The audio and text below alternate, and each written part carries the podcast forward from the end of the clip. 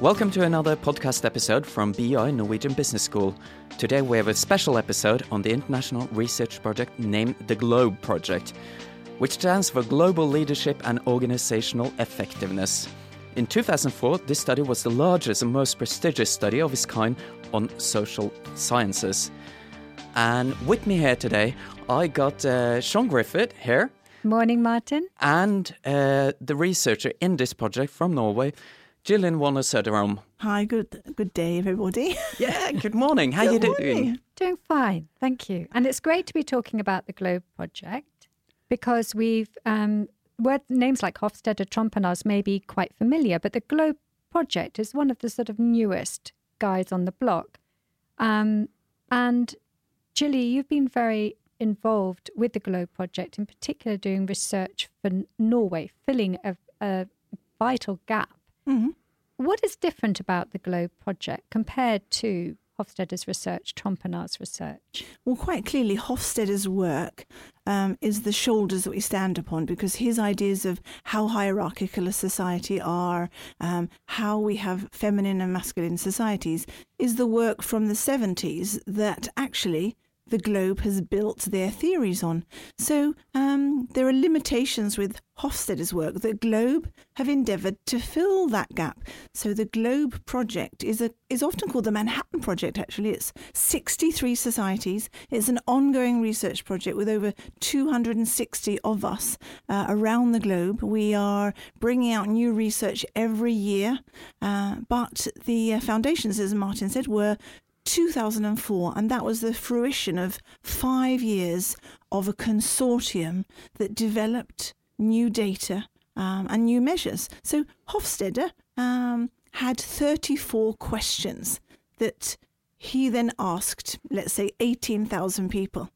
But that data is from the 1980s.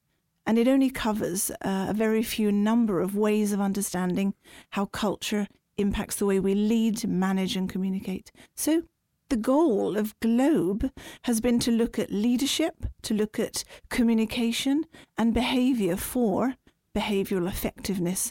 And our world has never been more globalized. Every day we will connect globally in business. And that is at the heart of the project to help us be better in business. And um, can I ask about the um, increasing number of dimensions? Because, of course, Hofstede began with four dimensions, and the Globe Project is working with Nine. dimensions. Yes. So, what has been added on that you think is particularly helpful for business leaders? Mm. I think the two that are most useful are specifically the idea of gender egalitarianism, to understand to what degree in your society is it expected and promoted to have uh, females in leadership positions. And that was really taken from Hofstede's masculinity, femininity Exactly. dimension, wasn't it? It was. But the limitation with Hofstede's work is that the masculine feminine dimension never really looked at gender equality.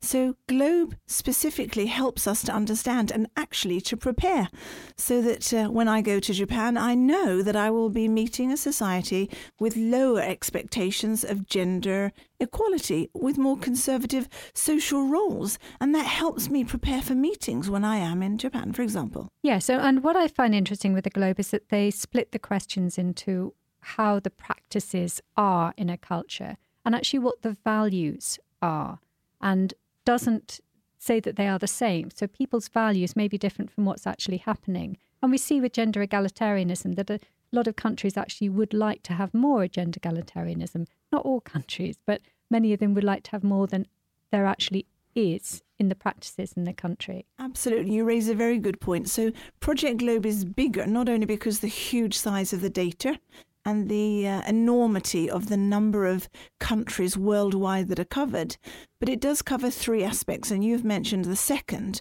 which is looking at not only at how we do do business today. Let's go back to Japan. That with a very conservative sense of what is appropriate for gender roles, uh, we then look at in the future what do people aspire to have? And that helps us to understand the uh, intrinsic values of any society. Not surprisingly, in Japan, um, there is an espoused wish, a desire to work towards higher gender equality values. And this helps MNCs moving into a joint venture in Japan, knowing that it's a society that has ambitions for higher gender equality. And interesting enough, the third element of Globe, which um, is looking at leadership values, charismatic leadership, um, or transactional leadership. Would you like to guess in Norway? What do you think we value most? Well, the charismatic leadership doesn't sound so appealing, actually. No, it's almost universal except in Scandinavia. Yeah. Mm-hmm. So if we are to do business in in France, US, UK, we would need to remember that we will be expected to be even more assertive. So it's correlated with the value of being competitive, ambitious, um, and um, giving more in, in meetings, so being very persuasive, so a higher sense of rhetoric. Uh, charismatic leadership is hugely important in most of the world. And you mentioned assertiveness, Gillian, and you plugged this gap because there wasn't research on Norway when you came to do your doctorate, and you filled that gap and have carried on doing research. Uh, and what was most surprising for you in the results came out for Norway? Mm, I think two of the results that really surprised me greatly were first of all assertiveness, and secondly, um, the sense of in group collectivism. I would have hypothesized because I know, and maybe because I'm married to a Norwegian, that you know this sense of directness is appreciated here in Norway. That we go to meetings, we have very little small talk, we get down to business, and that's hugely important for me as a British person to understand. And you're thinking about the communication style here, well, yes. what we think of as a low context communication yes. style. Yeah. You say it as it is. It is, yeah. We appreciate honesty over ho- honour and harmony. So then Globe measures assertiveness, and many of us in the Globe team assumed that there would be a correlation between low context and uh, low assertiveness uh, and high context. Oh no, sorry, low context and, and high assertiveness. And high assertiveness. Yes, so if directness would be translated into direct behaviour, you would have hypothesized. Yes, but in fact, the Norwegian data shows, and all of Scandinavia shows that we value a more humane approach to coaching as a manager, being part of uh, consensus building. We do not seek conflict. Uh, and intuitively, I would have imagined that we would have shown higher levels of assertiveness. The US is one of the highest levels, not surprisingly, in being competitive. Um, you know, this idea of winning is very, very important. So, in our wished for values, Norway has, let's say, uh, in the threes for how we are in our assertiveness, so very much in the middle, but even lower in what we aspire to. Ah, so we actually really wish interesting. It is because, in fact, the for many Asian countries there was fairly low assertiveness, but a desire for more assertiveness. Yes. So actually, Norway is different. They're not. There isn't a desire for more assertiveness. No, there's a desire for more collectivism and more humane orientation lower power distance is desired, and even higher gender equality. And that's the gap that we filled with Globe, I think. Yes, and I, uh, what it makes me think of is Hofstede's findings on masculinity and femininity, because, of course, Norway came out as a very feminine country or high on the feminine scale. So I guess that would tie in with your findings for the humane orientation. Very good point, indeed. Yeah. Yes. So, um, what about the way forward for the Globe project now? Mm, I think that we all realise that numbers are just numbers. Uh, we have a data set with so many hundreds of thousands of items, questions. The Globe um, has 97 items, questions, which are aggregated to make meaning. But now we're seeing that it's even more important to follow up with focus group interviews to get rich qualitative data to really understand how we can be excellent leaders across borders. So the quantitative data is of huge value. But in the future, I think it'll be very natural to have more in depth qualitative interviews. And I think that's something we see across all social sciences.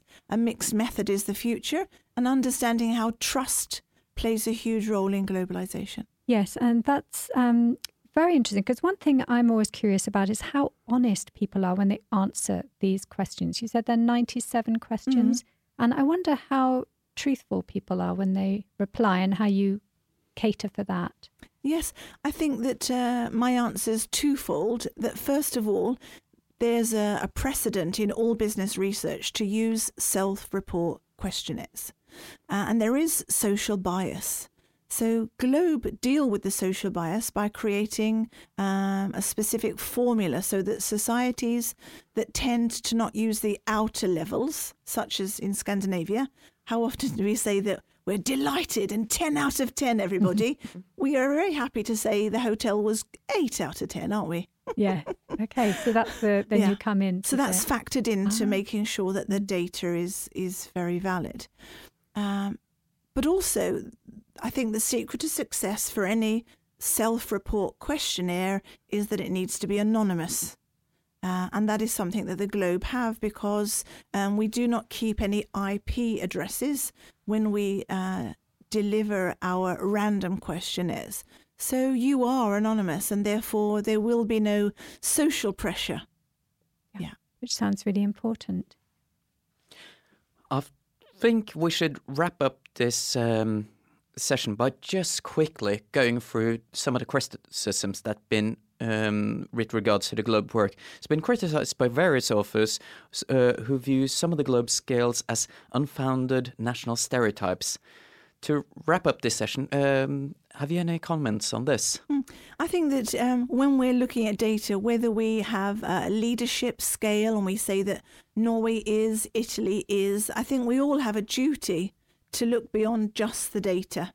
Um, and that is why we can apply the data to have a generalization so that when we are going to go and, and do business with uh, France, that we can generally understand that there will be a much more hierarchical society, that generally um, there will be uh, more set roles for men and women, um, and we will know that it's a society that is far more assertive.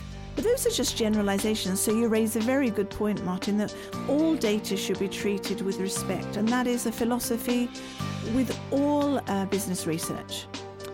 Gillian, Siän, thank you for your time. Thank, Thank you you. so much.